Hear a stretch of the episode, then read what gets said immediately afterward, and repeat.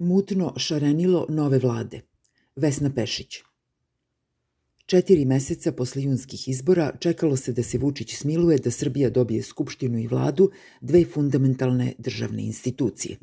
Nikom nije promaklo da je odlaganje formiranje parlamenta i vlade zapravo služilo Vučiću da pokaže da te institucije nisu ni potrebne. Dovoljno je da Srbija ima predsednika, odnosno Vučića, koji o svemu odlučuje. I kad ima parlamenta i vlade i kad ih nema. Isto se hvata i nama i njemu. Biće ih kada kucne čas za skupštinu i za vladu, a taj čas je upravo kucnuo. Ni Vučić nema više kud, nego da u zakonskom roku skupština bude konstituisana da bi potom izabrala vladu. U minut do 12 odlaganje koje je trajalo mesecima na samom kraju se preobrazilo u dnevno odlaganje.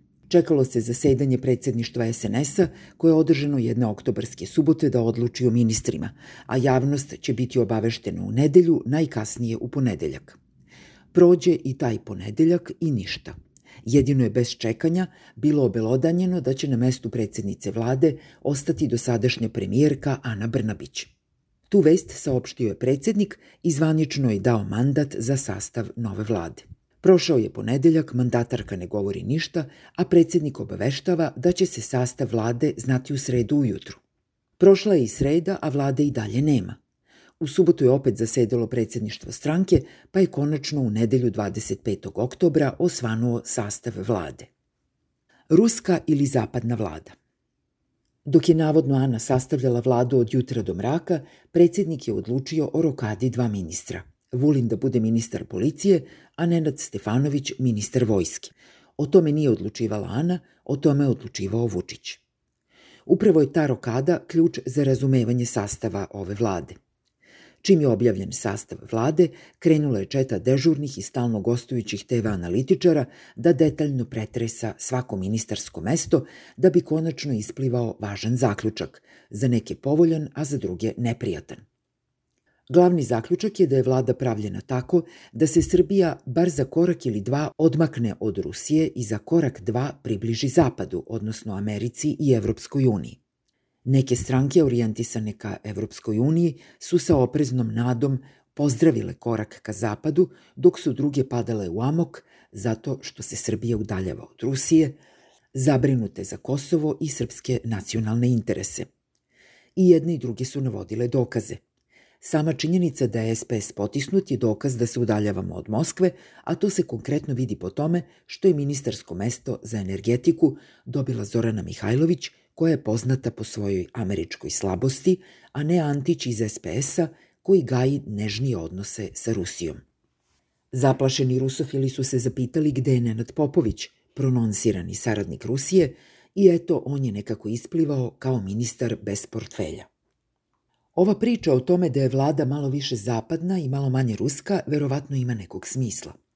Podsjetimo se da Putin nije došao na proslavu oslobođenja Beograda i svečano otvaranje nezavršenog hrama Svetog Save, kako je bilo zakazano.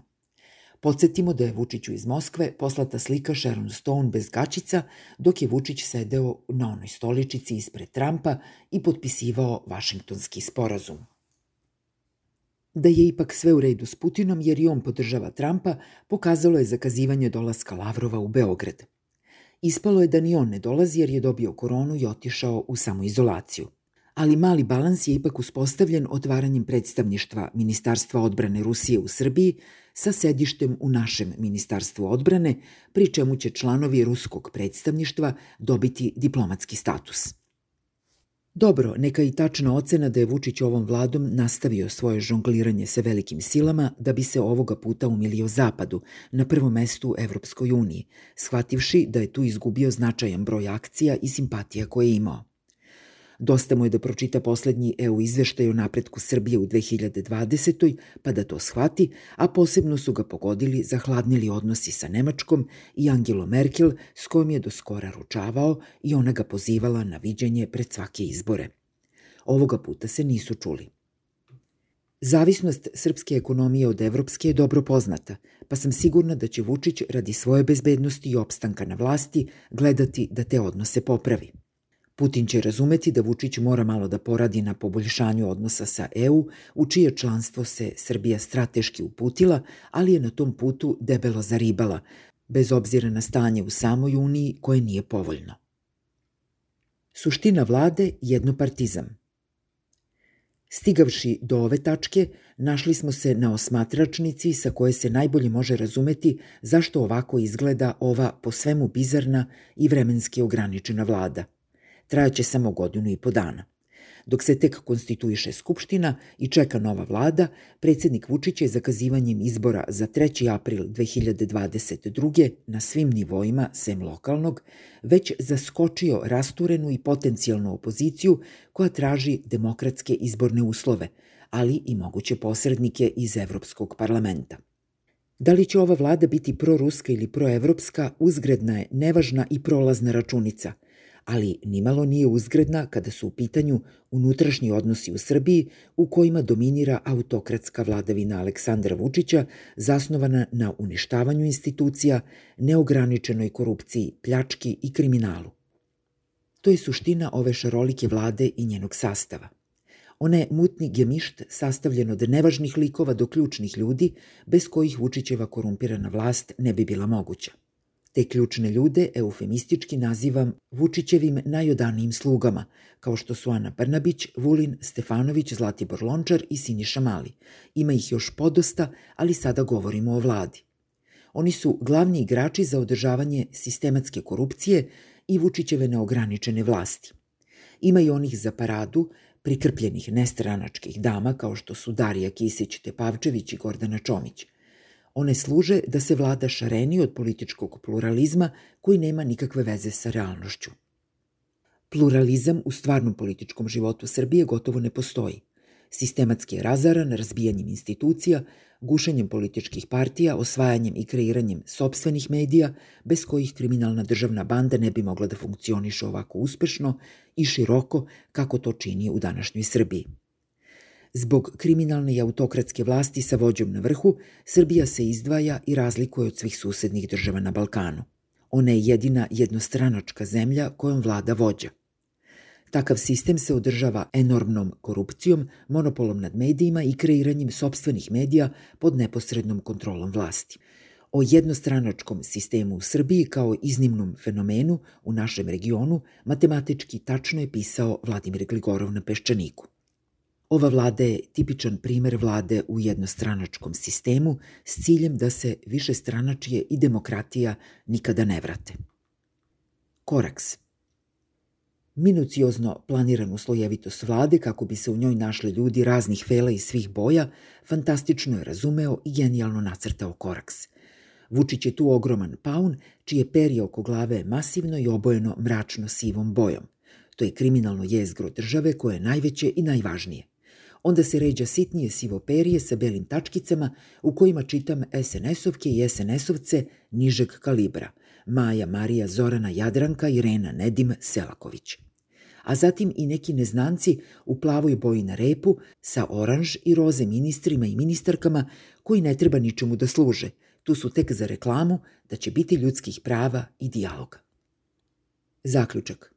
Najkraće rečeno, vlast se ozbiljno priprema za sledeće izbore, koje je već najavila za 2022. jer će umeđu vremenu raščistiti sa opozicijom. U čekanju nove vlade već je počela da se odigrava drama sa glavnim glumcima koja nam poručuje da će se vladina borba protiv mafije i kriminala zapravo odnositi na bezbednost samog predsednika Vučića. A ta mafija su slobodni mediji i ono što je od opozicije ostalo, zatim famozni tajkuni, a to su zapravo neprijatelji koji prete likvidacijom Vučića. Njemu se preti, on je ugrožen. Mandatarka Ana Brnabić borbu protiv mafije je shvatila kao pitanje bezbednosti Aleksandra Vučića – Ona je na Pinku održala uzbudljivu govoranciju kako je mafija udarila na bezbednost tog čoveka i njegove porodice, kako se o njima pričaju najstrašnije laži, kako ona poznaje njegovu porodicu, njegovu decu i njegovog brata i kako ti divni ljudi nemaju veze s jezivim pričama o njima, odnosno koliko su veliki lopovi. Borbu protiv mafije i kriminala kao glavnog cilja njene vlade Ana Brnebić je pretvorila u odbranu Vučića – Nije on mafija, nego je on meta mafije koja mu život ugrožava. Tajkunski mediji ponovo priželjkuju smrt Vučića, tvrdi mandatarka. Njena je sveta dužnost da sačuva život predsednika i ona će svim silama do poslednjeg atoma snage raditi na njegovoj bezbednosti. Opet se govori kako će on proći kao Zoran Đinđić, opet se obnavlja priča koju on lično pokrenuo još 2013. da će skončati pored plota i tako dalje, sve do famoznih državnih udara. Ispostavlja se da će glavni cilj vlade i premijerke biti rat protiv kriminala koji preti Vučiću, a dolazi od istih onih tajkuna sa 600 miliona evra, dakle od opozicije koji se zapravo preti da se neće odustati od njenog uništenja, ma koja da je. Opozicija kao takva postala je glavna pretnja Srbiji i njenom vođi. I zato mora biti dotučena. Opozicija je najveći neprijatelj koga treba konačno likvidirati da ga nema. U znak zahvalnosti na uvežbani i snažni nastup na Pinku, Vučić joj se revanširao preko borbe sa drugom pošasti, COVID-19. Rekao je doslovce, klečao sam ispred Ane barem tri puta da ne zatvara restorane i kafiće, a s druge strane znate da to nekoga može da košta života. Izgleda da nam opet preti zatvaranje u kuće. Džaba on pred njom kleči kada je Ana neumoljiva.